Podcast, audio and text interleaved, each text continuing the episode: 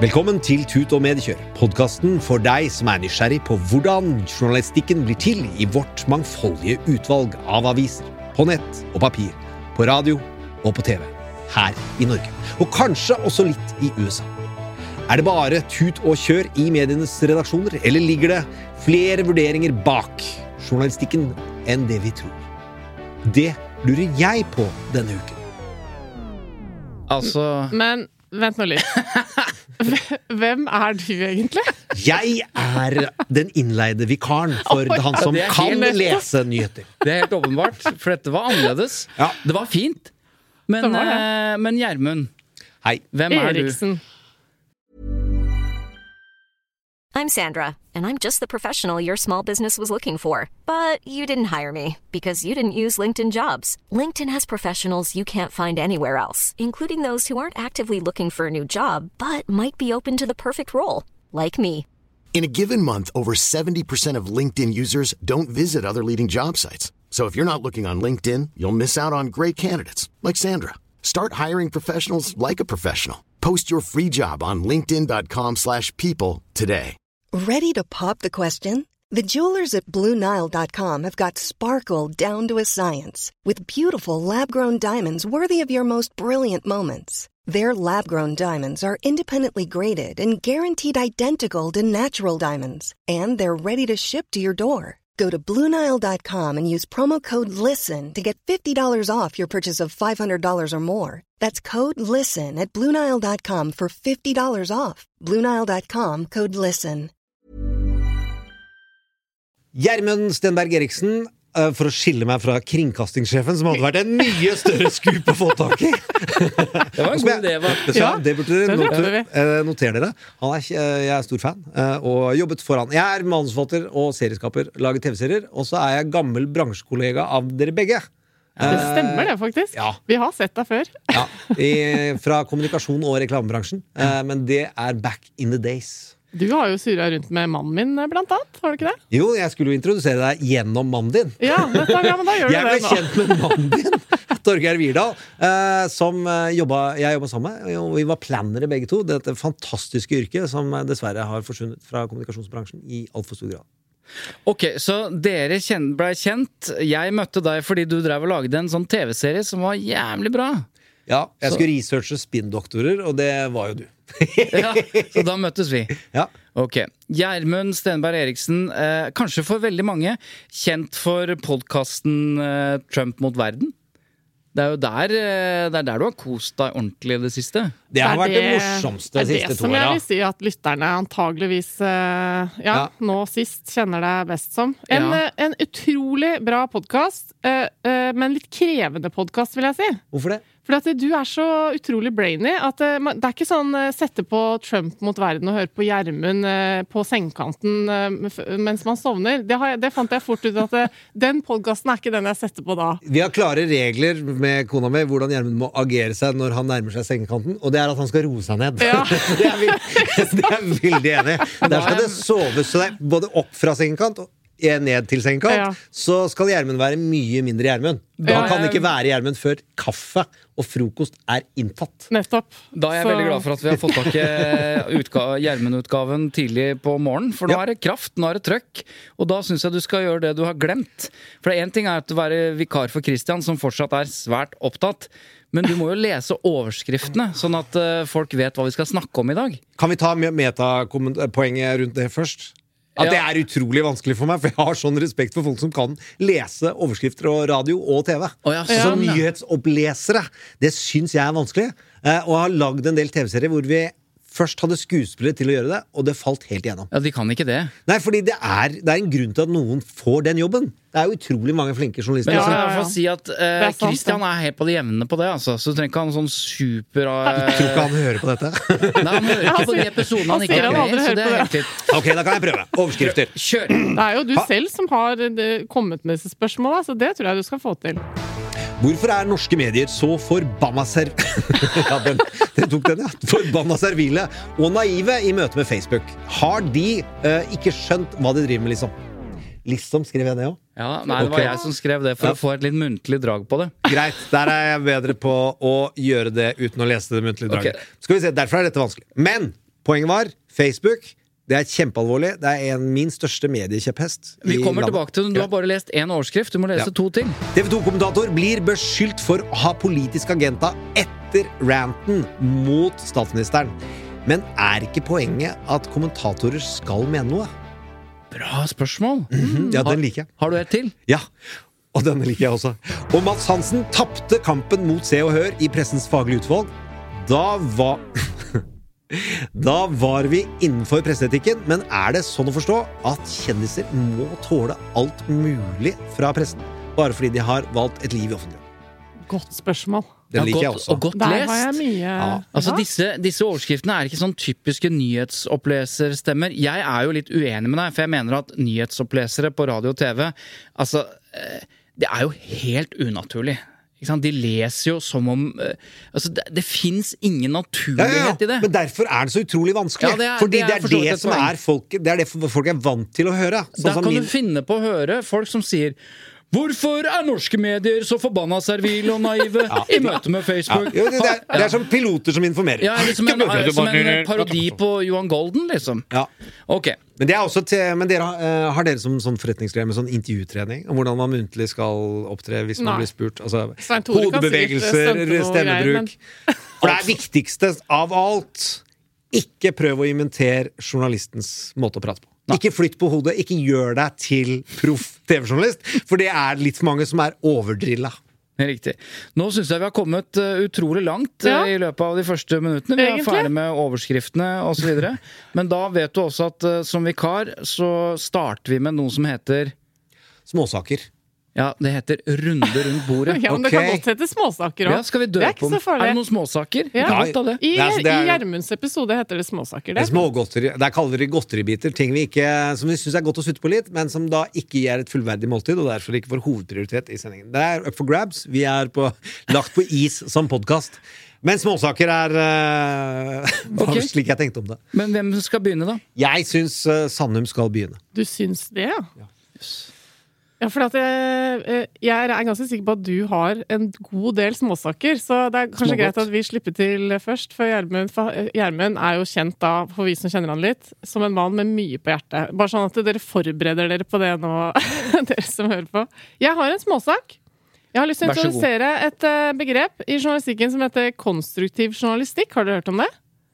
Jeg har hørt om det, men eh, jeg har ikke sett så mye av det. Jeg har ønsket det mye. Ja, ikke sant? Og det har kommet litt opp igjen. Det har vært liksom skrevet litt kronikker her og der. Knut Olav Åmås i Fritt Ord skrev en bra en i fjor, og nå har det kommet en ny en. Det var derfor jeg kom på det denne uka. For at det, mye folk er drittlei for tiden av at mediene skriver om krisestemning, vaksinestrategier, går smittetall. helvete. Mm. Alt går til helvete. Og, og det som er eh, målet deres, er å være fort ute med noe som kan bli en stor overskrift. Så det blir jo veldig negativ fokus på det. Og så snakka vi her om, eh, i et par episoder eh, tilbake om at NRK nå har etablert en sånn positive nyheter Lysglimt. Lysglimt, som er Var det det det het? Ja. Som er sånn uh, egen feed i nyhetene som bare er det positive. Og så rett etter det så merka jeg at uh, TV 2 har noe tilsvarende på TV en gang om dagen.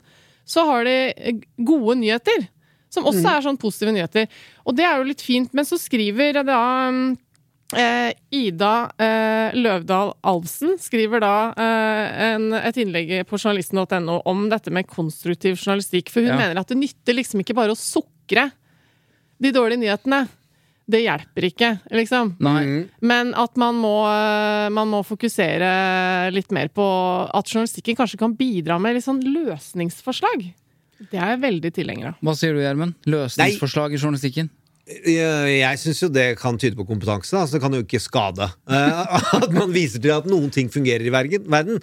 Jeg, husker, jeg husker ikke når det kom, men det kom et sånt eh, sosialt mediefenomen, et sånt nettsted som het Upworthy, som ble ganske stort ganske Ja. raskt. I USA, på sentrum-venstresiden, som delte mye. Og det hadde, ja. hadde veldig sansen for det, men det gikk litt overboard med litt for hvor det ikke matcha virkeligheten, og det er jo ikke noe vits i. Men det å få fram ting som faktisk fungerer, det Mm. tror jeg det er et marked for. Jeg tror det er et potensial i det, og jeg syns det egentlig er bra at NRK gjør det. Og spesielt eh, altså NRK Lysglimt, og som du nevnte, TV 2 har også sånne gode saker. Eh. Det kan, altså det er jo en fare for at det blir litt sånn Norge i dag-greie. at det bare er sånne eh, kuriosa, apropos-saker. Se så fint, her er det en mann som har fått hjem hunden sin etter fire uker på jakt. Altså det er et eller annet Det er jeg veldig enig i. Du kan bør ikke bli katta i treet, og den kom ned og alt der, for å lage en sånn feel good-punktum på en eh, ganske vond nyhetssending. Nettopp. Men å faktisk lete etter konstruktive ting vi ikke visste om at har skjedd. Jeg sendte nemlig et tips til hun Ingrid i NRK, som driver det, som har hatt ideen bak dette NRK Lysglimt. Og jeg sendte rett og slett den siden i Amnesty hvor, hvor du ser 'dette har vi fått til'. Og det er en utrolig eh, Det er lys for meg, altså i alle betydninger av ordet. Amnesty. Ja. Ok, men, men der står det jo hva langvarige kampanjer for eh, forfulgte mennesker i ulike land har ført til. Ja. Fordi det faktisk Det blir du i godt humør av. For du skjønner at ting nytter, f.eks. Jeg kan, eh, forlengelsen av det og heller ta det som fortsetter i dette sporet rundt eh, positive ting med småsaker. Jeg har alltid hatt sansen for den positive siden av kampanjejournalistikken. Altså at aviser og medier finner noe som er urettferdig, og så følger de opp året etter. Har det løst seg eller ikke? Og jeg syns jo at det er en god form for journalistikk, og særlig VG da er flink til å følge opp store takedowns. Så kommer det muligens upsides om at her kom det en løsning året etter. Kommer du på noe eksempel? På Nei, Det er jo å følge opp det, hvordan eh, disse gutt, brødrene ble feilbehandla av kommunen sin. Og så kommer det, ja, og så kommer det tilbake til Nå har dette skjedd, nå har dette skjedd, nå har det fått et sånt liv. Her kommer erstatningen. Her tar eh, myndighetene grep.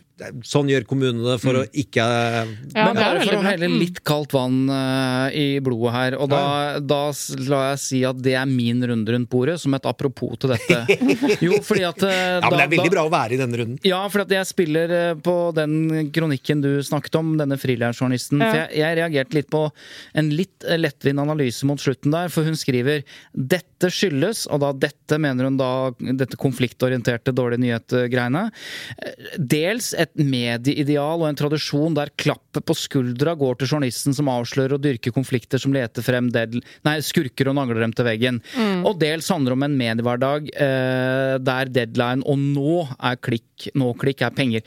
Altså, eh, nja Høres ut som den analysen jeg hadde i min innledning, så ja, for du brukte jo for så vidt den samme analysen, men, men poenget, og dette øh, er vi nøye med å si til alle som lurer på, altså grunnen til at det er så mye konfliktstoff i journalistikken, hvorfor er de ute etter denne konflikten hele tiden? Det er fordi eh, konflikt er den aller viktigste driveren, dette vet Gjermund veldig godt, eh, aller viktigste driveren i all historiefortelling. Og journalistikk er historiefortelling.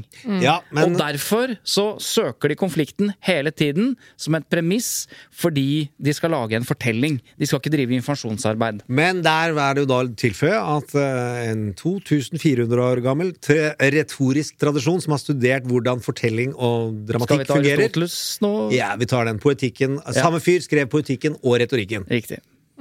Ok, nå er vi Nå oppe om morgenen. Nå er vi oppe om morgenen. brain- brain i Uansett, I all type fortelling så viser det at det største kommersielle potensialet er at man også får fram lyset i fortellingen. Altså at man drar mot det, og at mediene ikke tar eh, Der det er positiv utvikling i et nyhetssak, så syns, eh, tror jeg at det er et kommersielt potensial i å løfte fram Helt sin enig. egen Der de var en del av fortellingen, de viste noe urettferdig. Det urettferdige forsvant, eller ble gjort uh, Skjedde det noe med. Dette er jeg enig i. Forløsning, forløsning, forløsning. Men uh, premisset for en fortelling hvis ikke konflikten kommer tydelig fram veldig tidlig i en fortelling, så legger du vekk boka. Du går fra kinoen. Hvis Ja, ikke ja. det er nettopp det journalistene ikke tenker på, at du skal ha med dette lysglimtet mot, mot slutten.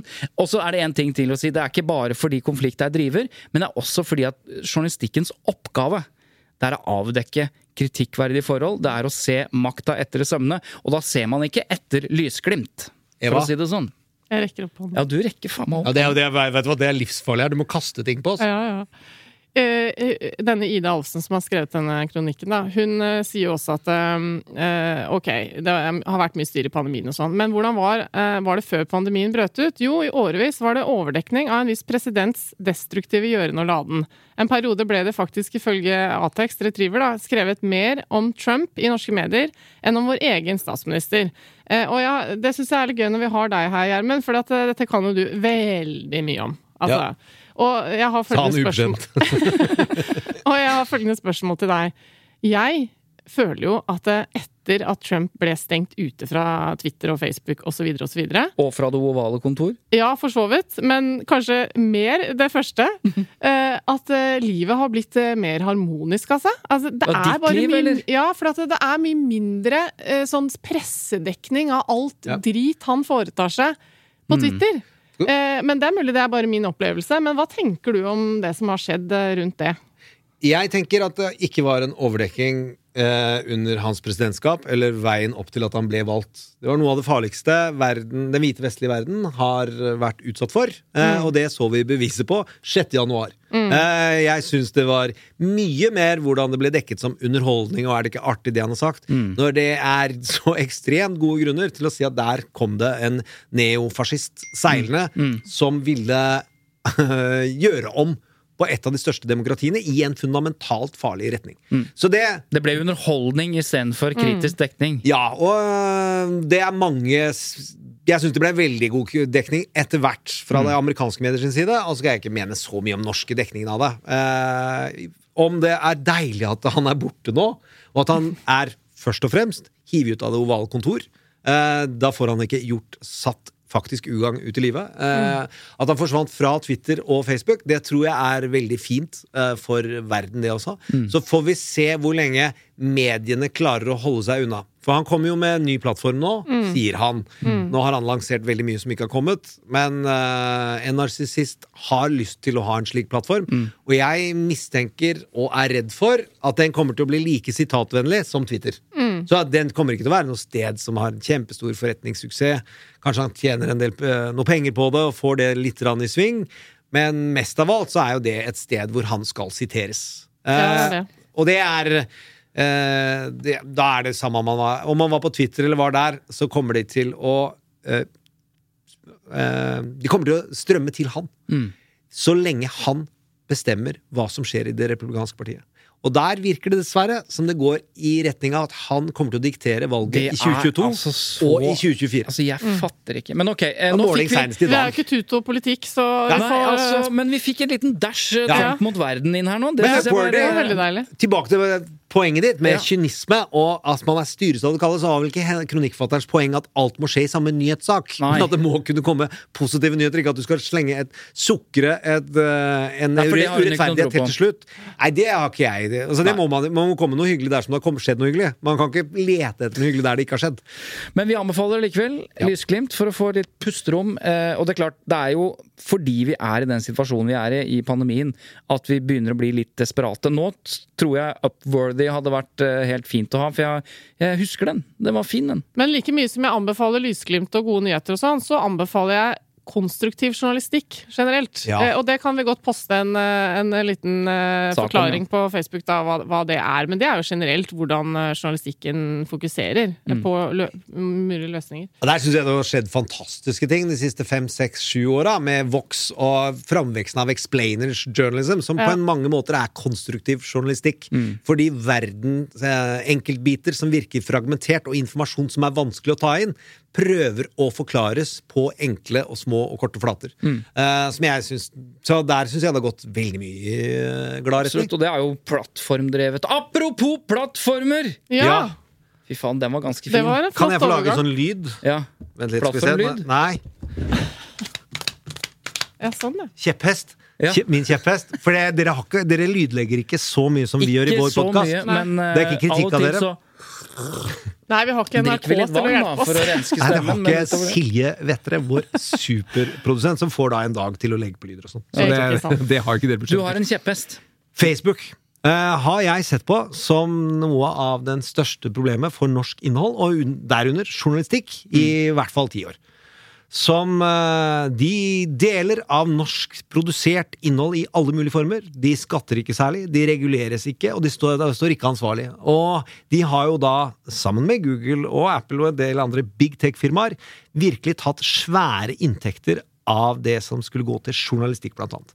Og jeg syns det har vært Det var artig å se Dear Mark på forsida av Aftenposten, og at Aftenposten hadde lyst til å ta et Ja, grep. forklar den, for det, det er ikke sikkert folk husker den så Dear godt. Mark, da, da refererer til Mark Zuckerberg, som Ja. er sjefen i Facebook fortsatt, grunnlegger osv., og, så videre, og Aftenpostens sak eh, om dette hvor, for en ja, Espen Hansen, siden. som var eh, ansvarlig redaktør på tidspunktet. Eh, Ja. Det var han som eh, lagde en video hvor han hadde en slags tale til han. ikke sant? Kjære Mark, jeg har skrevet et brev til deg for å forklare hvorfor jeg ikke kommer til å fjerne dette bildet fra Facebook. Hør her, Mark, og dette er alvorlig.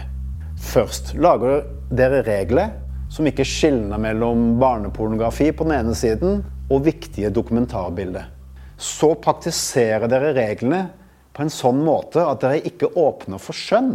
Og til slutt så sensurerer dere debatt og kritikk om nettopp den avgjørelsen, og straffer de som våger å kritisere. Ja, og så ble det en forside hvor man eh, latet som Facebook på en måte hadde lagd den forsiden, var det ikke sånn? Jo, han sa, og så var det uformelt, og vær så snill, nå må vi voksne snakke sammen. Det var et slags åpent brev, Jeg er ja. Men eh, Noen mente at det var pompøst. Jeg har ikke noe problem med at man er pompøs i møte med den største kapitalistiske f eh, kapitalisten i verden, som jobber flernasjonalt. Mm. Vi trenger å snakke ordentlig med dem. Og så gjaldt det vel at de sensurerte et bilde fra Vietnam. Vi ser. Riktig, det er det mest eh, foran, eh, ikoniske krigsbildet av denne jenta som løper, Ja. eh, som har blitt, fått napalm over seg, og hun er naken og ble sensurert. Og det er et problem. At man eh, driver og sensurerer alle bilder av nakenhet, og ikke bare de som er pornografiske eller erotiske. Mm. man kan diskutere om det skulle vært sånn allikevel, men jeg kan love dere at det fins deler av internett der det er lov. Der har dere ikke lyst til å henge. Så jeg skjønner den delen av Facebook. Men det er ikke det viktigste ved Facebook. Facebooks eh, Hvordan de bruker alle lands innhold, og hvordan de videreselger innbyggernes oppmerksomhet og tid, og bygger seg rike mens de bygger betalingsvilje for innhold ned, det må man få myndigheter inn for å regulere. Og der syns jeg redaktører i Håper alle hører på! De gjør det, egentlig. Så det er moro. Eh, alle redaktører for de store norske mediene må være konsistente over tid. Og stille til ansvar. Og jeg, jeg vet ikke Jeg har noen teorier om hvorfor de er sånn, men la oss høre deres først. Vi begynner med Eva. Ja, hvor, altså Spørsmålet er hvorfor norske eh, redaktører og norske medier ikke stiller Tydeligere krav til uh, okay. norske myndigheter om hvordan vi skal få uh, Facebook til å være en ansvarlig aktør i Norge. Hva tror du, Eva? Nei, altså Hvis jeg skal komme med et forsøk på et ganske enkelt svar, så er det vel den eh, De skjønte ikke hva de bega seg ut på da de, da de begynte å dele innholdet sitt eh, liksom ukritisk på Facebook og sosiale medier. Eh, litt som at de ikke skjønte hva de bega seg ut på når eh, de lanserte nettaviser eh, som var gratis, og, og, og gjorde Tok folk 25 vant år å snu det ja, tankskipet. Eh, gjorde folk vant til at eh, ja, men nettavisene, altså nyheter på nett, det er jo gratis, og så blir folk dritsure for at de må betale for det. Og sånn er det jo litt med, bare som et apropos, med kultur nå òg. At når alle sliter under pandemien, så er det noen som leverer det gratis, og så er det noen som, eh, som prøver å få betalt for det, men det gidder jo ikke folk, for det er så mye gratis. Ja, uansett. Mm. Men eh, ja, det tror jeg er svaret, da. At, Mm. Ja, at eh, man de- bare begynte å Ja. pøse det ut. Men hvorfor eh, Nå har vi en enorm monopolist i spredning av, altså, som har en infrastruktur inn til det norske folk. Hvis du har infrastruktur, monopol på det innenfor det norske folk i en annen forretningssammenheng, så blir du regulert, og det stilles krav til deg om hvordan du skal tilnærme deg innbyggerne. Eh, vi godtar ikke denne type monopoler, men av en eller annen grunn så syns vi det er greit at Facebook er slik. Eh, fordi det, de påstår at de bare driver med infrastruktur, men de lever av innhold. Ja, men, Men det skal svaret til australske myndigheter var ganske enkelt. Det er ikke vi som deler innhold. Vi har en plattform der dere deler innhold. Dere kan bare slutte med det. Vi har plattform. ikke sant? Det var svaret. Hvis jeg skal forsøke meg på en altså Jeg tror ikke det finnes eh, Jeg tror ikke det er mangel på motivasjon fra norske redaktører til Nei. å stagge Facebook. For plutselig så forsvant en tredjedel av annonseinntektene eh, på relativt kort tid. Eh, Så de ser at det er en trussel. De ser at det ikke er regulert, og de ser at det er problematisk. Samtidig som det akkurat nå er et ekstremt gjensidig avhengighetsforhold, ikke bare til Facebook, men det Facebook også eier av andre plattformer. Så det er et De vet For det første, de vet ikke helt hvordan de skal angripe det. Og når de ikke vet hvordan de skal angripe det, så er det litt vanskelig å gå til myndighetene og fortelle de hvordan de skal gjøre det. Og for det andre, det er ikke noen stor tradisjon for norske medier å rope på myndighet Jo, forresten, det er det. Altså, vi har hatt Prøv å innføre skatt på moms på nyheter. Pressestøtte og moms Ja. og nei, Jo. ok. nei, men jeg tror vel er den dualismen, da. At de ser at eh, de får spredt innholdet sitt, eh, og foreløpig så lever de relativt godt med det. Jeg tror vi skal spørre redaktøren om dette her, Ja, Ja, men jeg tror jeg vet at uh, svaret er selvfølgelig at de skulle ønske at det blir rydda opp i dette her. De, de har jo den samme jeg holdt å si, krigen gående som, som går i Australia, egentlig. Men Australia har gått foran den. der. Ja, men det, ja, det er det jeg mener de må. De må, Ja. de må ringe et eller annet eh, PR-byrå. Eller i hvert fall, de burde jobbe med en proaktiv måte å få uh, myndig, politiske myndigheter til å bli enige om at her må det reguleres. Ja. Og de må skjønne at dette er vern av innhold. Innenfor annen, uh, andre aktører som fordeler mye innhold som har kosta masse penger, blod, slette og tårer å fordele, så har vi jo det når vi lager TV-drama, lager journalistikk. Så har man ulike fondsordninger som Telenor og Telia og alle disse må dele fra. Mm. Så de har tjent enorm Telenor og Telia, det er en kjepphest vi tar en annen gang. Ja. Men der også har du det samme. De la, gir Infrastruktur. infrastruktur. De har nesten monopol på å sette pris. Det de gjør, er å gi dere sprøyter, men vi som lager narkotikaen, altså vi alle vi tre rundt bordet, og hele journaliststanden, alle som driver med drama i hele verden, det er narkotikaproduksjon som er vanskelig! Det å sende en faktura fordi du gravde en ledning inn i huset til noen én gang, det er nesten det Mark Zuckerberg gjør òg. Det skal man, må man regulere, for Men hvis det, ikke så tar det men det har både Telenor, Telia og Facebook skjønt, fordi de produserer nå innhold. De kjøper innhold. De skjønner at gullet ligger i innholdet, og nå starter de eh, Telia har jo allerede vært er langt framme med å kjøpe De har kjøpt jævla svære TV-kanaler i Sverige. Altså, De kjøper innhold, for de skjønner at de kan ikke tjene penger på å være postmann. De må lage avisen på et eller annet tidspunkt. Ja, og dette bekymrer meg jo. Det er en annen debatt, men altså, det er en tilliggende debatt. Hvordan skal man regulere nettopp den type infrastrukturaktører? Men det som haster mest, er Facebook, for de driver med innholdet vårt i dag og bygger opp enorme kapital på utsiden av landet vårt ved å tjene penger på det som er lagd i landet vårt. Eva, kan ikke du se på den grafen, live-grafen om hvor mange seere, nei, lyttere mister vi nå eh, på, på highfly eh, infrastrukturprat ja, Ja, ja, det er det vanlige greit. her nå, bare så vi har en noenlunde ja. kontroll på det. Vi, vi kan jo si som, eh, som Christian pleier å si, vi må videre! vi må Ja, nettopp, ja. Ja. Her får jeg drill. Jeg pleier å måtte eh, få Han- snakke meg ut om infrastruktur. Ja. her. Nei, men ser pleier å si uh, uh, 'vi må videre', og så pleier jeg å bli litt sånn sur for at vi ikke egentlig var ferdig med praten. Men nå er du ganske fornøyd med at vi må videre? Nå må vi videre. Ja, ja, ja. Det, er- det er greit. Da er det eh, så, eh, s- Da skal vi over til eh, sak to, da. Eh, og da lurer du på noe, eh, Gjermund, om, uh, om eh, dette TV 2-virale klippet av Aslak Eriksrud, TV 2-kommentatoren, som alle så ut til å like veldig godt. Det Har vil du si, sett eh, ikke alle. Nei, ikke alle. Ikke Erling La. Kan vi høre klippet? Ja, la oss høre klippet. Jeg er litt tom for ord. Jeg faktisk, Arild. Jeg angrer egentlig på at jeg brukte så sterke ord mot Bjørnar Skjæran, den Arbeiderparti-nestlederen, som var på nachspiel eh, for noen dager siden. For, eh, fordi nå er jeg nesten litt sånn tom for, eh, for adjektiver. Altså, her har statsministeren samla 13 stykker ene dagen, 14 stykker den andre dagen. Eh, eh, Og si at hun har snakka så mye om reglene at hun har på en måte nærmest glemt å lese hva som faktisk står i dem. Jeg, tror knapt det jeg hører.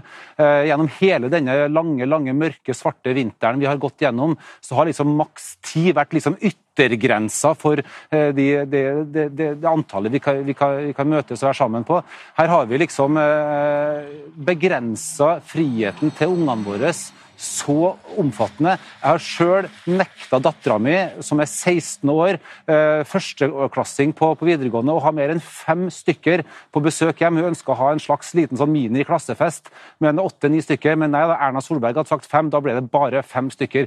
Grunnen til at jeg står utafor huset mitt nå, eller for at jeg har vært alene med minstemann. Kona har vært på 50-årslag, og de sto da ute i hagen til venninna si borti, borti gata, gata her, en liten venninnegjeng, to meters avstand med polvotter og drakk drakk et halvt glass champagne. Smak på den, du, Erna Solberg. Det var 50-årsdagen til, til, en venninne her. Jeg prøvde å legge minstemann og prøvde å forklare han hvorfor pappa var litt oppgitt på telefon. Jo da, det var fordi eh, Erna Solberg hadde brutt smittevernreglene. Han er opptatt av at han ikke kunne feire bursdagen sin i januar sammen med bestekompisene i nabohusene rett rundt hjørnet her, fordi de ikke er i samme klassekohort. Så jeg blir, ja, Unnskyld at jeg blir så personlig, Arild, men jeg blir nesten helt, jeg, jeg blir litt matt, for å, for, å, for, å, for å, si det, for å være helt ærlig. Ja, og dette reagerer da Erling La, tidligere byrådsleder i Oslo og ekstremt tydelig høyremann, eh, veldig på. At kommentator skal få lov til å mene noe. Han er jo da ikke journalist i den rollen. Han skal kommentere hva som har skjedd. La oss bare dvele litt ved, ved liksom, hva er det Aslak Eriksrud her gjør? Altså, han, han går jo litt ut av sitt gode skinn. I hvert fall, han er jo mer kontrollert skal vi si, og mer avmålt i sine politiske kommentarer. Men her bruker han sin egen familie, han bruker eh, barna sine ikke sant? for å illustrere hvor idiotisk dette er. Han får Ja. ordentlig trøkk på pedalen vann på mølla her.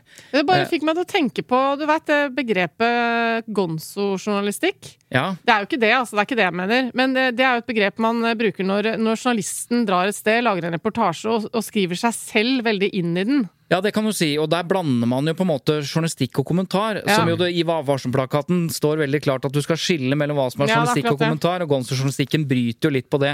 Så kan man jo si at uh, dette er en kommentar, det er ikke journalistikk. Det er en veldig, veldig tydelig kommentar. Eh, og så er det da, som du sier, Gjermund, uh, denne Erling La, og for så vidt fulgt opp vel av, av noen unge Høyre-folk også, som mente at det var deilig at endelig er det noen som gjør feil, eller noe sånt, var det ikke Ja, det? men Det er på en måte det motsatte synet, ja. Ja, eh, Ta det første først. da. Eh, Dette er jo veldig amerikansk. Eh, Et amerikansk nyhetsfenomen som har Ja. vokst fram gjennom CNN og MSNBC og de andre kanalene. Nemlig at Det Aslak Eriksrud gjør. Ja, det at du står og er moralsk forarget. Du, Ja, for det er det han er. du bekrefter seernes følelser. Så kan man spørre om det er det sleip forretningsgreie han driver med. Jeg tror jo at han faktisk er moralsk Jeg kjenner- forarget. Jeg må nesten ja. bare disclaimer. Jeg kjenner Aslak Eriksrud. Jeg sykler med han. Han er en, Ja, det er topp- lov, det, å kjenne Ja. folk. Ja, ja, men han er en topp fyr, men jeg, det er derfor jeg skal si det. Dette er ikke noe spill. Nei, det er det jeg altså, mener. Han var ordentlig forbanna. Jeg kan ikke ha sett og har fått med meg uh, poserende politisk kommentarjournalistikk der man spiller eh, f- emosjonell. Ja. Så det tror jeg jeg regner med at han føler og mener det der. Det er sånn cirka 10% av det mora mi ville sagt hvis jeg hadde fest med tolv deltakere. Så det Ja. er på sin plass. Det er et brudd. Og så kommer La ut, som, da, La. som er et annet fenomen som er veldig amerikansk, nemlig surrogatstrategien. Å ja. At du har talspersoner som skal komme inn og kaste seg foran kuler og si nothing. Da er det flere valg du har. Du kan avlede, eller du kan slå tilbake, eller du kan skifte debatt, eh, skifte tema. Eh, Og her prøver vel da særlig å konfrontere det med at dette burde ikke vært sagt. Det syns jeg er Han kaller det vel vel en eller annen politisk agenda, skriver ja, eh, Erling. TV 2 har en politisk agenda med å ta Erna Solberg. Hallo! Ja, du mener ikke det? Nei, det det ikke jeg er alle medier til enhver tid, eh, Nei, fordi til enhver jo- tid et, en slags agenda om å prøve å ta alle politikere? Det er jo det man sitter med. Ja, så har det jo da vært en stor sak om at TV 2-nyhetene har blitt beskyldt for å ha en agenda mot Arbeiderpartiet. Det er jo der konflikten har vært eh, ja, det er akkurat det. Dit kan vi ikke spore av, Nei. for det har jeg flere Men, meninger om. men, men bare Men det- poenget er at eh, han mener at det er en politisk agenda. Er det det? Nei, jeg syns dette er en vanlig politisk håndverk som du kan se fra Høyre, og som Arbeiderpartiet også driver med, uh, så- uh, men ikke i like stor grad. Du Men- får ut talspersoner. Når det går, skjer noe galt, så kom, detter det ut folk fra Civita, fra Minerva, Mm. fra eh, andre politikere, fra ungdomspartiene, og sier nei, det kan jo ikke være sånn, vi kan jo lese det slik. At statsministeren blir et bedre menneske. Og en bedre leder av å ha brutt dette er jo Ja, for det er flaut at kommer på trykk. skriver. Nei, men jeg synes Det var litt morsomt å høre at du mener at dette er sånn klassisk amerikansk greie. Ja. Betyr det at du egentlig ønsker deg litt mer velkommen til norsk journalistikk? Eller rapportering? Eh, jeg ønsker at man har et tydeligere forståelse av surrogatstrategier, altså PR-håndtering. Altså når er, det noen er, eh, når er det noen er ringt til for å si noe? Når er det La har tatt kontakt for å komme med dette utbruddet? Ja, Ja, det det er en ting. så Det, det er greit. greit. Det er jo liksom PR- og spinndoktor-greier. Ja, Men jeg tenkte mer på den der kommentatorrollen. Eh, som vi Ja, liker flere ble litt overrasket over. Da, at han liksom to, tok seg selv så inn i det og, Nei, og var forarget og sånn. Ja, dette liker jeg jo i, blant annet i det norske podkastlandskapet. Så syns jeg politisk kommentar og analyse Ja. blir mye bedre av at man er personlig i vurderingene sine. Ja, og er synliggjør at man er ikke noe subjek Altså man er ikke en dommer. Mm. Man er et subjektivt menneske som har kunnskap og erfaringer som enten står seg eller ikke står seg. Og det er mange nok som du kan velge bort. Altså, ja, nå sier du sånn igjen, jeg trenger ikke deg inn i livet mitt. Eller så er det noen som kan over tid mene noe om hvordan disse aktørene skal oppføre seg. Og så står det og faller på om de er troverdige eller ikke. Nettopp. Jeg tror dette her var overraskende ikke Hvis du skriver ned det som Aslak Eriksrud sa, og setter opp en kommentar, så ligner den på Hanne Skartveit sin kommentar og, og Ja. ganske mange andre kommentarer som var veldig tydelige og veldig krasse. Altså i avisene. Men når du gjør det med eh, passion og med patos, som han gjør det, og en ektefølt, nærmest sånn moralistisk raseri, ja. s- og ikke bare høre på ordene, men måten det blir formidla på, Mm. da blir vi litt overraska. For det er jo helt vanlig å skrive veldig subjektive, klare, tydelige meninger i politisk, Mm. eh, eller politisk kommentar. Men på TV er vi ikke så vant til det. For der er vi mer vant til en som aldri snakker med eh, passion. Det er NRKs eh, veldig solide politiske eh, kommentator. Eh, og så har jeg navnet afasi, da, men hva heter han, da? NRK-kommentatoren, han eh, Å, nå gleder jeg meg. Hvordan beskriver han, da? Ah, han er pent kledd, han er en eldre herre, har vært med i norsk politisk journalistikk. Nettopp! Ja, jeg Magnus annen. Takvam. Men der er det- Herregud, det kan, det kan jeg ikke er navnet det- på ungene mine snart. Ja. Jeg kunne hoppet inn og sagt Takvam med en gang, men jeg var usikker på hvem av dem, for det, jeg tenkte det er så mange dyktige NRK-kommentatorer. Tenkte Lars Ja. Nehru Sand, tenkte du på. Ja. Men NRK har en annen rolle enn alle andre medier. Og TV 2 har en, fordi de er en allmennkringkaster. Så Ja. deres politiske kommentatorer er det mer problematisk at skal hoppe inn og gi uh, verdivurderinger av en handling. De må komme med analyse. Det Mens- har du kanskje er, rett til. i. er Jo. deres eget syn på Nei, seg selv? men det er at Tror du reagerer med, for ja. du pleier å si alltid at ja, NRK har et eget ansvar Ja, og sånn, så nei, jeg er ikke alltid enig i det. Fordi, uh, jeg, jeg er enig, og jeg tror du har rett. Og jeg tror også at NRK tenker det om seg selv, men jeg vet ikke om folk Jo, det, altså, de får altså så mye mas hos TV 2? hvis de mener noe for langt ut til venstre, eller mener noe Ja, det langt ut til høyre. det, det gjør det. Så er det, hvis du får fastlønn fra NRK, så skal du ikke ha politiske meninger. Og så kan Ja. jeg være enig i at det er litt slapt, men det er i hvert fall det valget de har. Ja, det er sånn bra sett, for så, sånn sett så har jo, er jo TV 2 en allmennkringkaster også. Forskjellen er bare at det er en kommersiell allmennkringkaster, men de har det, mange av de samme kravene. Men de er fri fra for av staten. Nei, ikke fri fra at de får Jo, men i dem Ja, ok. Ja.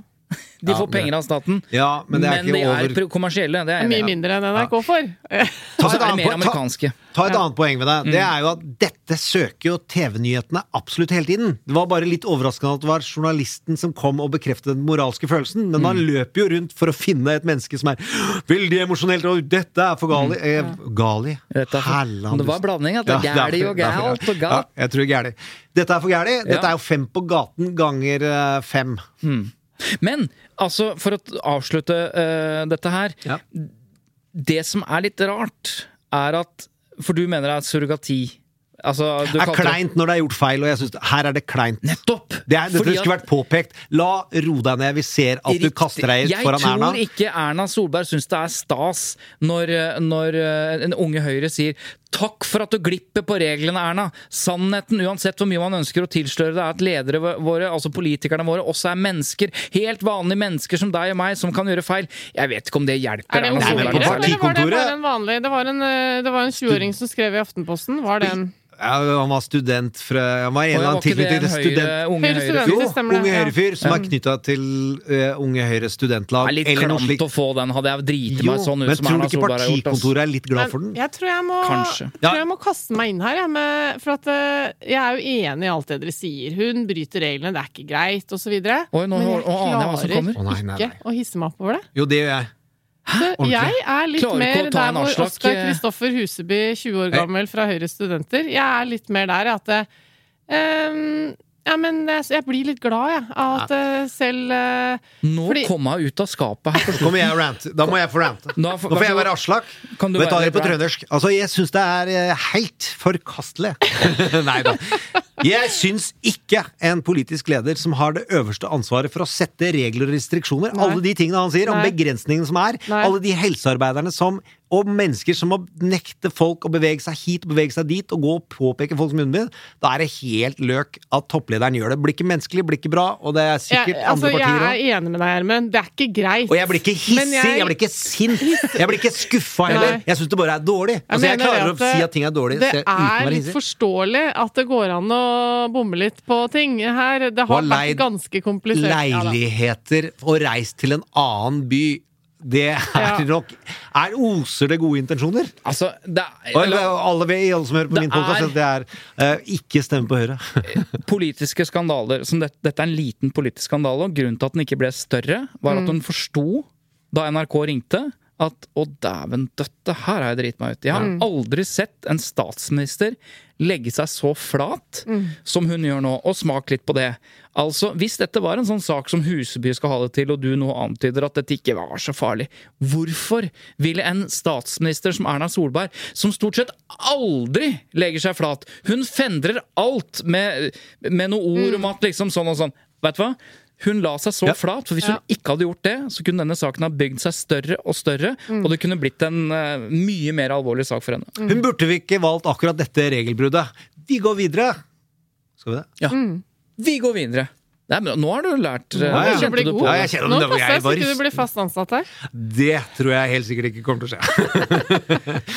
For vi må til Mats Hansen, som rett og slett da har tapt i PFU. Og før vi kommer ordentlig i gang, dette er jo fra en lytter òg. Eva, du må jo lese opp dette spørsmålet. Ja, øh, fordi det er faktisk øh, en lytter som heter Frode som sendte oss øh, en mail. da. Hei! Kan Mats Hansen-behandlingen i PFU behandles som et argument for at PFU i noen tilfeller opererer mer som en beskyttelse for pressens rettigheter enn som vern for pressens objekter? Ref. offentlig interesse versus øh, offentlig nysgjerrighet osv. Og, så videre, og henvendelsen om øh, kommentar som kom to måneder tidligere og angivelig refererte til Hansens profesjonelle virke i TV 2. Nettopp. Skriver Frode. Dette kommer vi da inn på når vi da skal diskutere denne saken, for dette er helt uh, sentralt. Ja, absolutt. Godt spørsmål, Frode. Og dette er jo din baklomme.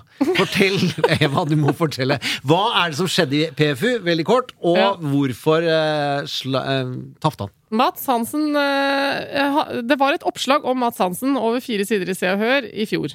Eh, ved første øyekast, eh, for de som så den i eh, bladet i butikken og kanskje åpna dette oppslaget, så ser det ut som han har stilt opp. Han ser i kamera, eh, det er bilde av huset hans, det er masse greier fra hans private liv. Eh, leser du teksten, så finner du ut eh, at eh, han har ikke bidratt, og han har ikke villet kommentere. Det er såkalt sitatsak. Altså, Ja. De har tatt saken fra andre steder. En klassisk sitatsak. Og det er jo lov. Det er lov, det kan vi snakke om etterpå. Men det som han da blei dritforbanna på, var litt forskjellige ting. Trenger ikke å gå inn i detalj på alle tingene, men han mente seg feilsitert fordi det var sitert fra Unnskyld. Noe han sa i podkasten til Else Kåss, som var litt sånn TV-programmet til ja, som var litt, eh, litt sånn detalj om hvor mange timer han uh, surfa på mobilen per dag som Han sa han hadde åtte timers skjermbruk, og så ble det til at uh, han brukte åtte timer på, På- på disse influenserne og surre, rante. ja. Ja. Og så var det bilde av huset hans som han syntes var helt eh, forkastelig. For det har eh, ikke Se og Hør noe med å vise fram osv. Han mener selv at han har skjermet sin private familie og osv. Uh, og så ble det skrevet i artikkelen at han ikke ville kommentere på det de skrev om. Ja. Og det var kanskje det han var uh, eh, mest forbanna for, Ja, vil jeg tro. For saken, at, saken er, saken er jo at Nå var jeg i gang med å forklare, så jeg kan godt fortsette på det. Gjør det. De jobber sammen, det er kolleger. Nå er det lenge siden jeg har fått akkurat den der, eh, der, eh, det blikket der, altså. Da er Navnet på firmaet blir gjort om fra Sandum og Bergstuen til Sandum og parentes og Bergstuen. Ja, det er mer det at uh, Svein Tore er så kjapp i huet. Jeg trenger litt mer tid. Dette har vi snakka mye om.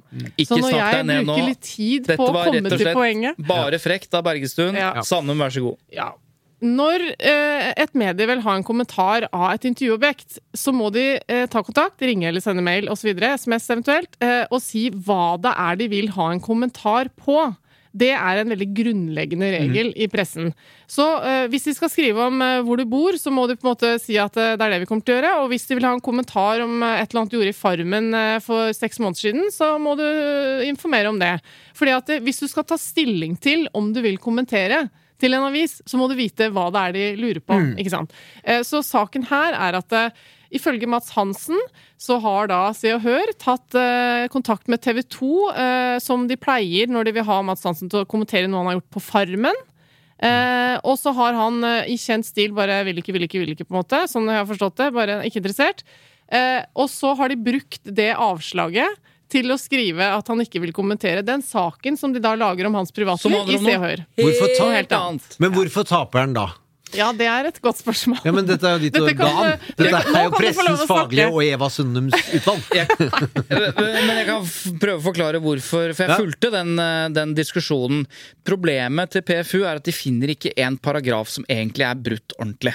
Altså For det første, han må tåle at bildet, selv om det er ubehagelig, at, eh, at huset hans eh, kommer i blad. For det er offentlig informasjon. Han må tåle at, han, eh, at disse sitatsakene At de later som det er et intervju, så lenge de skriver at det ikke er et intervju. Han må tåle rett og slett en del av det han klager på, og det vet han. Han ville teste dette, det han og dette sitatet Han har egentlig rett. Ikke sant? For Han sier at det er skjermbruk, og så skriver de kontant i Se og Hør at han bruker åtte timer per dag på Instagram for å klage. Det er ikke riktig. Men så tulla han med det i Kåss. Og da ble det sånn, han tulla med det. Er det ikke ja. Så det, Ah, poenget er at det er ikke klare brudd. Men det som er spesielt, det er den siste setningen. De skriver at han ikke ville kommentere saken. Mats Hansen har helt rett i det at det er ikke riktig. Det som står der, er feil. Han har aldri blitt spurt om å kommentere den saken. For PFU så oppstår et problem. For det første så er det sånn at Mats Hansen ikke hadde rett til noe samtidig imøtegåelse. Han hadde ikke egentlig rett til å bli kontakt... De trengte ikke å kontakte Nei, ham om denne samtidig saken. imøtegåelse er jo hvis du, blir, eh, hvis du får en beskyldning mot deg av faktisk art, Mm, ikke sant, som du bør kunne få Så forsvare deg mot. så det betyr at hvis jeg hører, han bare hadde latt være å skrive på slutten at han ikke ville kommentere, bare droppa det, så hadde det ikke vært noe sak i det hele tatt. Men når de skriver det, så er det feil. Problemet til PFU er sånn, da må de felle Se og Hør på punkt 3.2, eh, som handler om faktiske opplysninger. Så da, de, da gjør de en samlet vurdering av alle disse småtingene, og så finner de ut at ja, det er noe kritikkverdig her. Det er ikke noe bra, dette er unyansert sitat og greier og greier, men de mener at det er innafor presseetisk, fordi de tross alt hadde henvendt seg til TV 2 for å intervjue, og da mener de det er akseptabelt. Så, og det er antageligvis riktig avgjørelse i PFU. Antageligvis sånn som PFU er, og hvordan presseetikken blir tolket. Så her mener jeg at Mats Hansen har rett. Det som står der, var feil. Men allikevel så kan man forsvare det presseetisk. Jeg vil ikke forsvare det presseetisk, men jeg sier at det kan forsvares presseetisk. Eh, hvis det er ond vilje Altså hvis det er lett å tolke det som en vond vilje bak og manglende humor, så er det da ingen paragraf det går an å felle de på Nei. eh, Det, dette? er kanskje et av de store problemene med Vær varsom-plakaten, syns jeg, da. eh, Etter å ha sittet med en del sånne saker eh, i PFU. At eh, det er en del ting som er innafor presseetikken, men som ikke er innafor etikken. Ja, altså Eh, folk og som opplever eh, som moral, veldig mange vil moralsk. tenke sånn Hæ, er det her greit? Det er jo ikke folkeskikk. Nei. Og en av de tingene er eh, at eh, eh, det er sitatretten. Altså det er lov til å Hvis du gir et intervju et, et sted, Ja, så det kan det liksom refereres et annet sted, og sånn. Det er én ting. Så folk tror jeg liksom eh, Da, hvis ikke det ikke Ja, men det, det skjønner man. I Fri, fri flyt av innhold, det skjønner vi. At Ja. det er eh, vondt. Og der, prøvde, der sier jo du at Hansen prøvde seg. Han visste Ja. at det der, den der flyr ikke. Men det at de kan si at dette Han nektet å uttale seg om det innholdet i dette intervjuet. Nei, det, det, kan de egentlig egentlig ja, men det skrev de ikke. Legg merke til de skriver han vil ikke kommentere denne saken. Ja, men denne saken er jo da den saken de har hatt, Ja. og den har ikke han fått. Nei, Nei, så, kan, så argumenterer de for at han burde skjønt at når de tar kontakt med han, så er intensjonen å snakke med han om uh, både dette og hint. Så han har fått en henvendelse, det er det PFU ser på. De kunne vært tydeligere i den henvendelsen, sier PFU, men det er innafor uh, presseetisk. Jeg hadde syntes det vært kult hvis de sa nei, faen heller. Dette skal de få smekk for, for det er ikke riktig. Men det kan man ikke forvente av PFU, at de gjør sånne prinsipprytterier på sånne småsaker. Og hadde det nå engang vært sånn at saken hadde utløst samtidig imøtegåelse, og han hadde nek og han, eh, konk da, da skulle du sett at pipa hadde fått en annen lyd. For da hadde det ikke holdt hvis, TV, hvis Se og Hør hadde henvendt seg til TV 2 to måneder seinere. Hvis dette krevde samtidig imøtegåelse. Da ville eh, PFU felt dem på det. Moro. Eva, her må du si noe. ja. Nei, det jeg egentlig skulle frem til i stad, jeg bare brukte litt tid, var at eh, jeg har en mistanke om at eh, det kanskje er litt eh, Litt sånn eh, f- eh, Hva skal jeg si? Er, jeg vil ikke anklage Pressens faglige utvalg for å ha fordommer mot kjendiser, men jeg føler lite grann at ja.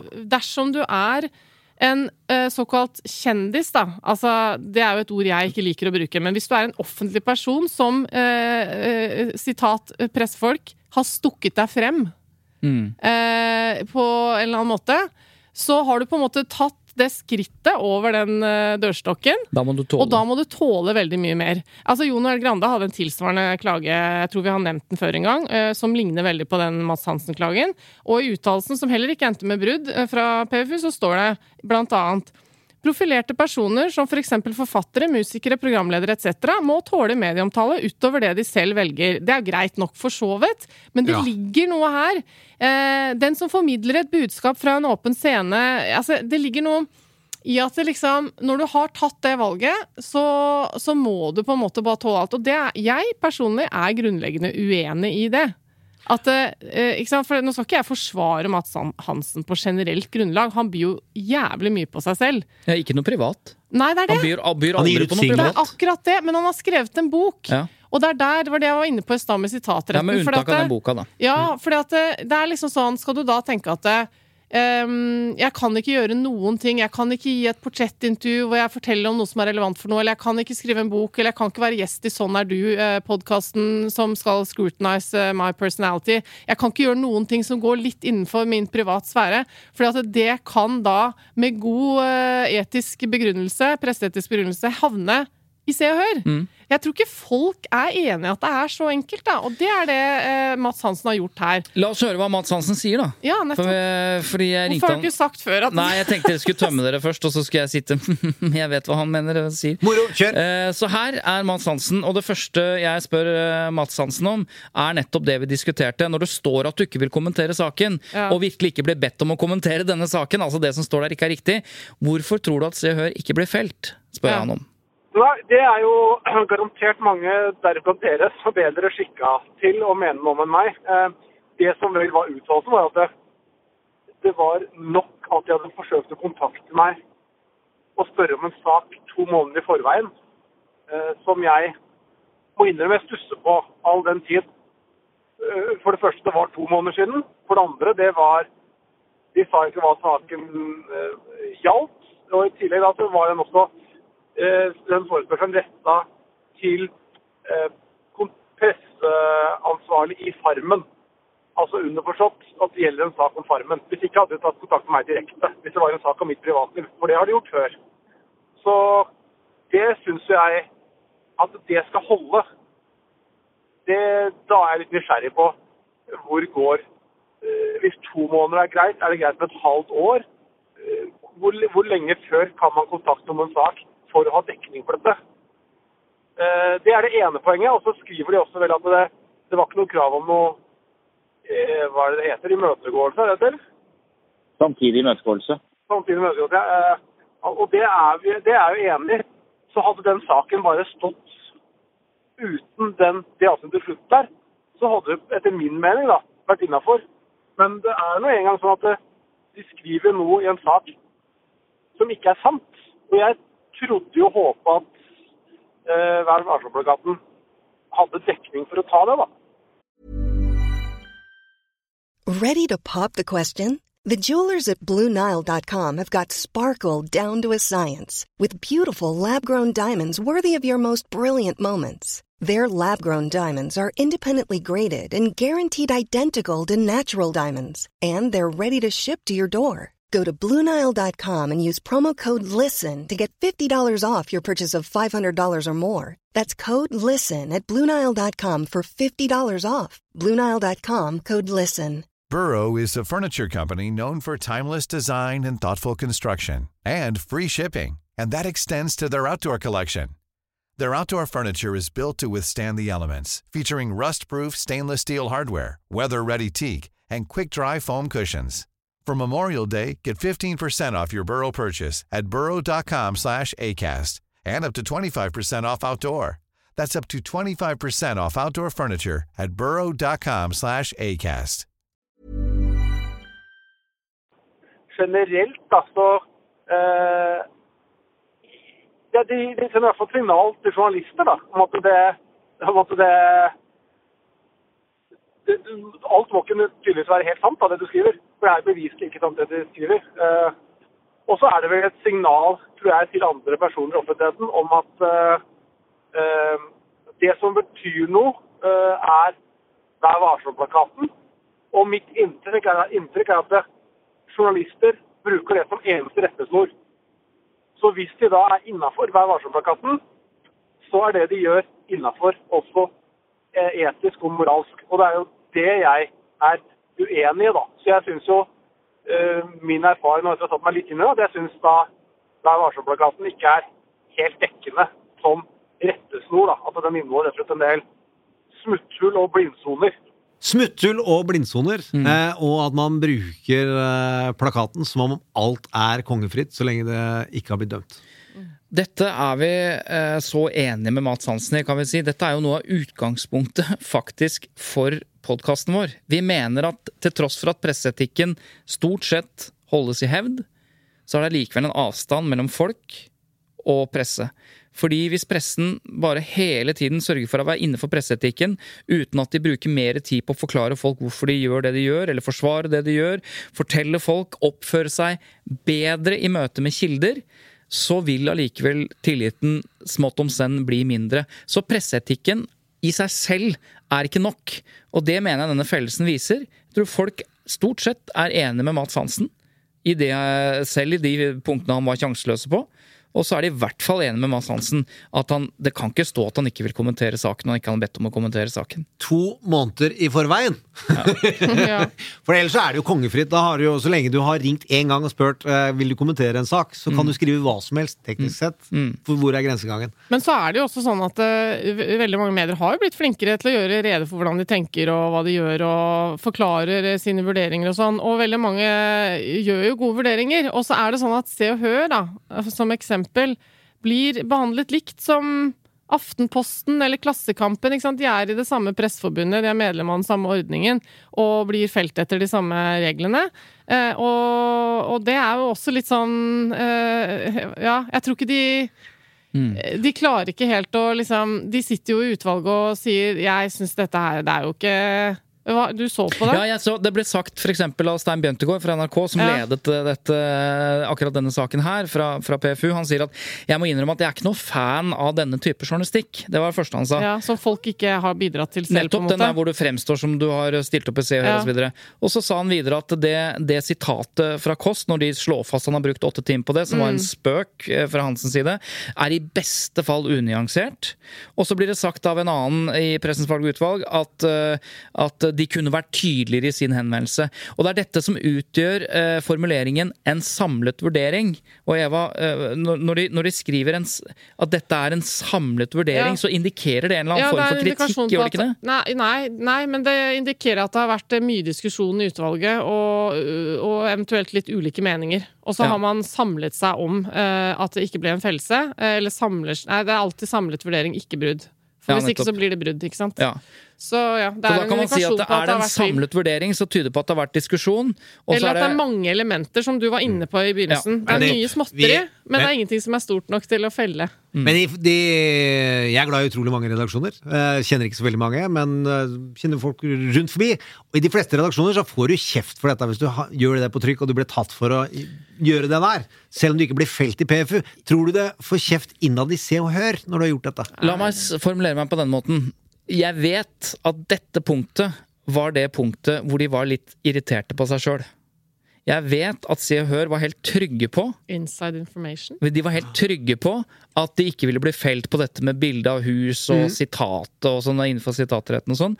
Men akkurat det at de ikke har sendt en tekstmelding til Mads Hansen eh, for de har nummeret hans om å kunne kommentere den saken. De visste at de ville fått nei likevel, så hvorfor ikke bare gjøre det? At de skrev denne tingen på slutten, det var ikke Det, det, det vet jeg at de syntes var litt eh, dumt. Ja. Så det er litt happy for at det gikk allikevel. Så newbie rookie mistake av Vi vet ikke hvem journalisten er, i hvert fall ikke jeg. Ja, det var Men, eh, unødvendig. Helt unødvendig. Jeg holder ikke den type journalistikk høyt i hevd, så Så Samme du har ikke fått det med deg, du? Det, Se og hør, abonnerer jeg Det på. hadde ikke jeg heller. Men, det det var ikke Eias flottas, for jeg surfer rundt på utrolig mye ubrukelige nyheter. Da skal vi jo nærme oss landing, men uh, dere er jo blitt mer og mer opptatt av lytterinteraksjon. Det og det har har jeg satt pris på. Så har vi noen lytterspørsmål Ja, for som at eh, Vi har jo til og med fått en lytter som programleder nå, så det er jo Ja. det, er, det er ikke dårlig. Det er interaksjon. Meldingene mine skal ikke leses opp. Nå skjønner jo alle at vi forbereder ikke dette så veldig godt, disse lytterspørsmålene. Men her kommer et nytt. Stadig mer frustrerende å besøke dagbladet.no, syns jeg, og i likhet med dere merker jeg meg både at de ultrakorte og helt meningsløse overskriftene, og også triggende saker som plasseres sammen, uten at de egentlig har noen sammenheng. I den anledning undrer jeg meg på, tror dere denne forsidetoppen er kalkulert og spekulativ, eller var det bare helt tilfeldig og desken som gjorde det? Altså, her er det, for lytterne, vi får legge ut dette her, da, men her er det altså Derfor får flere allergisk sjokk, bilde av en sprøyte i en arm. Ligner Der- veldig på en uh, vaksineringssprøyte, ja. Ja, og det er vel det saken eh, kanskje handler om også, hva vet jeg. Derfor får flere allergisk sjokk. Rett under bilde av et allergisk sjokk, tryne som ikke ser ut, smertefull utbrudd, mange tårer. Litt vanskelig å tenke seg at dette er helt tilfeldig plassert. Disse to sakene har da ingenting med hverandre å gjøre, men de er plassert på den måten at du først får høre om allergisk sjokk, og så smertefulle utbrudd og mange tårer rett Ja, for som lytteren skriver her, det handler om hudsyken rosakea, tror jeg det heter. Eh, den under der, ikke sant? Sånn, Ja. ja. Har jo Sånn ingenting med saken over å gjøre. Nei. Hva tror dere? Helt tilfeldig eller spekulativt? Burde Dagbladet få samtidig imøtegåelse? Absolutt på, ikke. Det har vi lært Det skal, de det skal mer til Vi at vi eh, kritiserer. Ja. Men uh, hva tror dere? Er dette tilfeldig?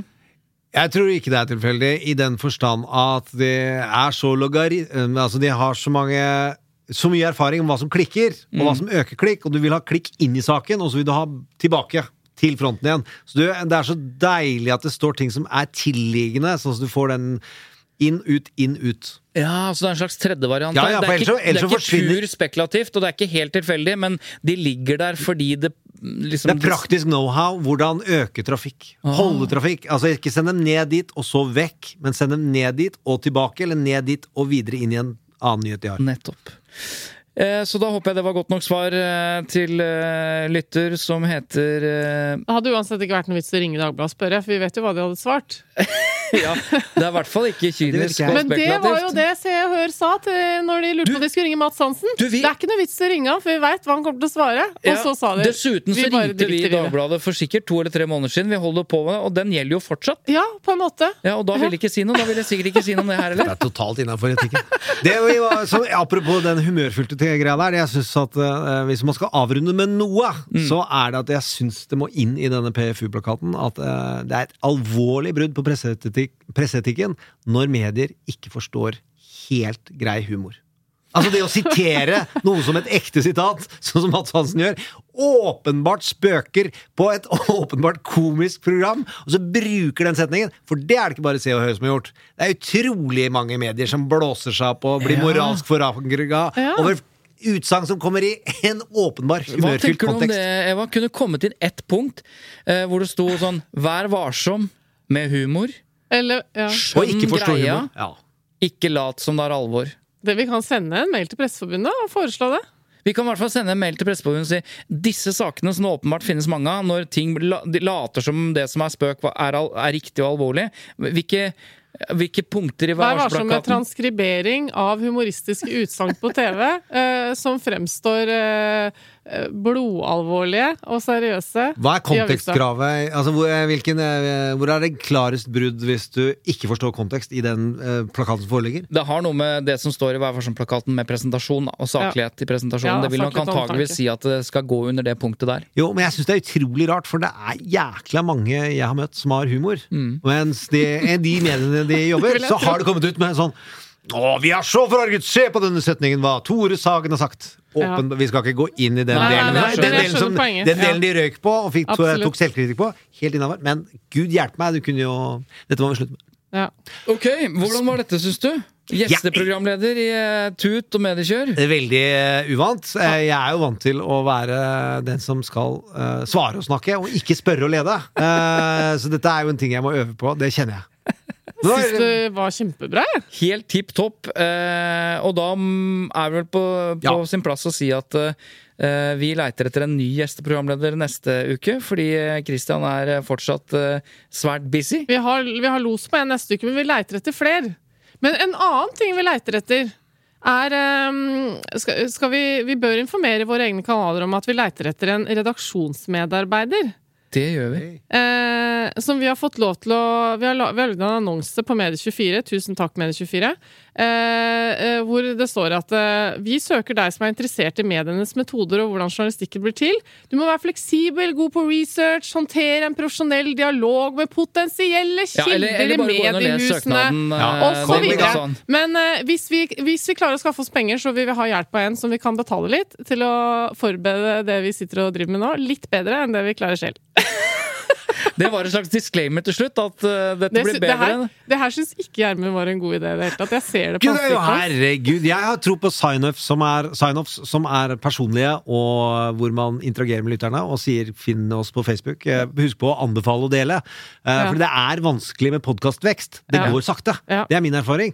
Man må jobbe utrolig hardt for det, så del podkasten, folkens. men men istedenfor det der generiske greiene der, eh, som vi sier til lytterne nå Husk å del, husk å skrive fem stjerner.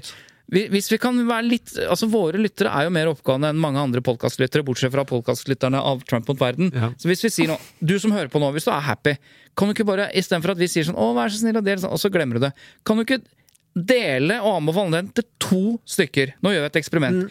To stykker som du kjenner, som du vet ikke hører på den her, i hvert fall øh, sånn, og så anbefaler du til to stykker. Hvis alle våre lyttere gjør det, så har vi jo, Nå er ikke jeg god på matte, men da har vi jo tredobla lyttertallet neste uke.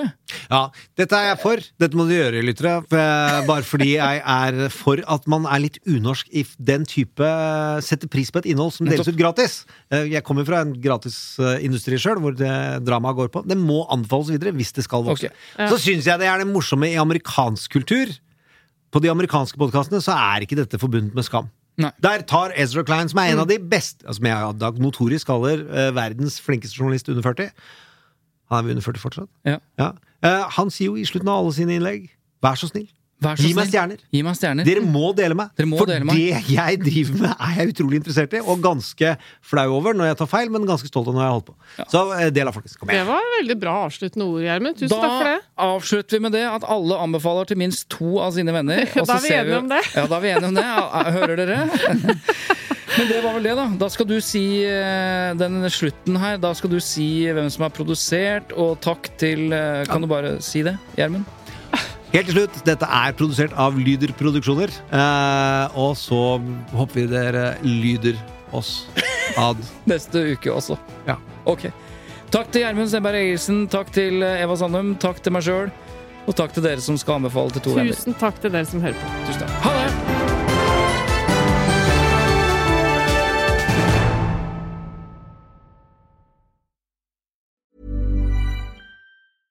Want flexibility? Take yoga. Want flexibility with your health insurance? Check out United Healthcare Insurance Plans. Underwritten by Golden Rule Insurance Company, they offer flexible, budget friendly medical, dental, and vision coverage that may be right for you. More at uh1.com.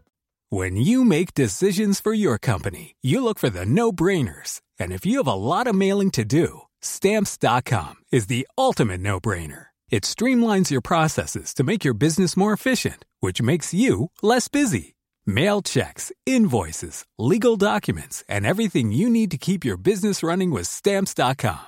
Seamlessly connect with every major marketplace and shopping cart. Schedule package pickups and see your cheapest and fastest shipping options from different carriers with rates up to 89% off USPS and UPS rates. And with the stamps.com mobile app, you can take care of mailing and shipping wherever you are. Make the same no-brainer decision as over 1 million other businesses with stamps.com. Sign up with code program for a 4-week trial plus free postage and a free digital scale. No long-term commitments or contracts. That's stamps.com. Code program.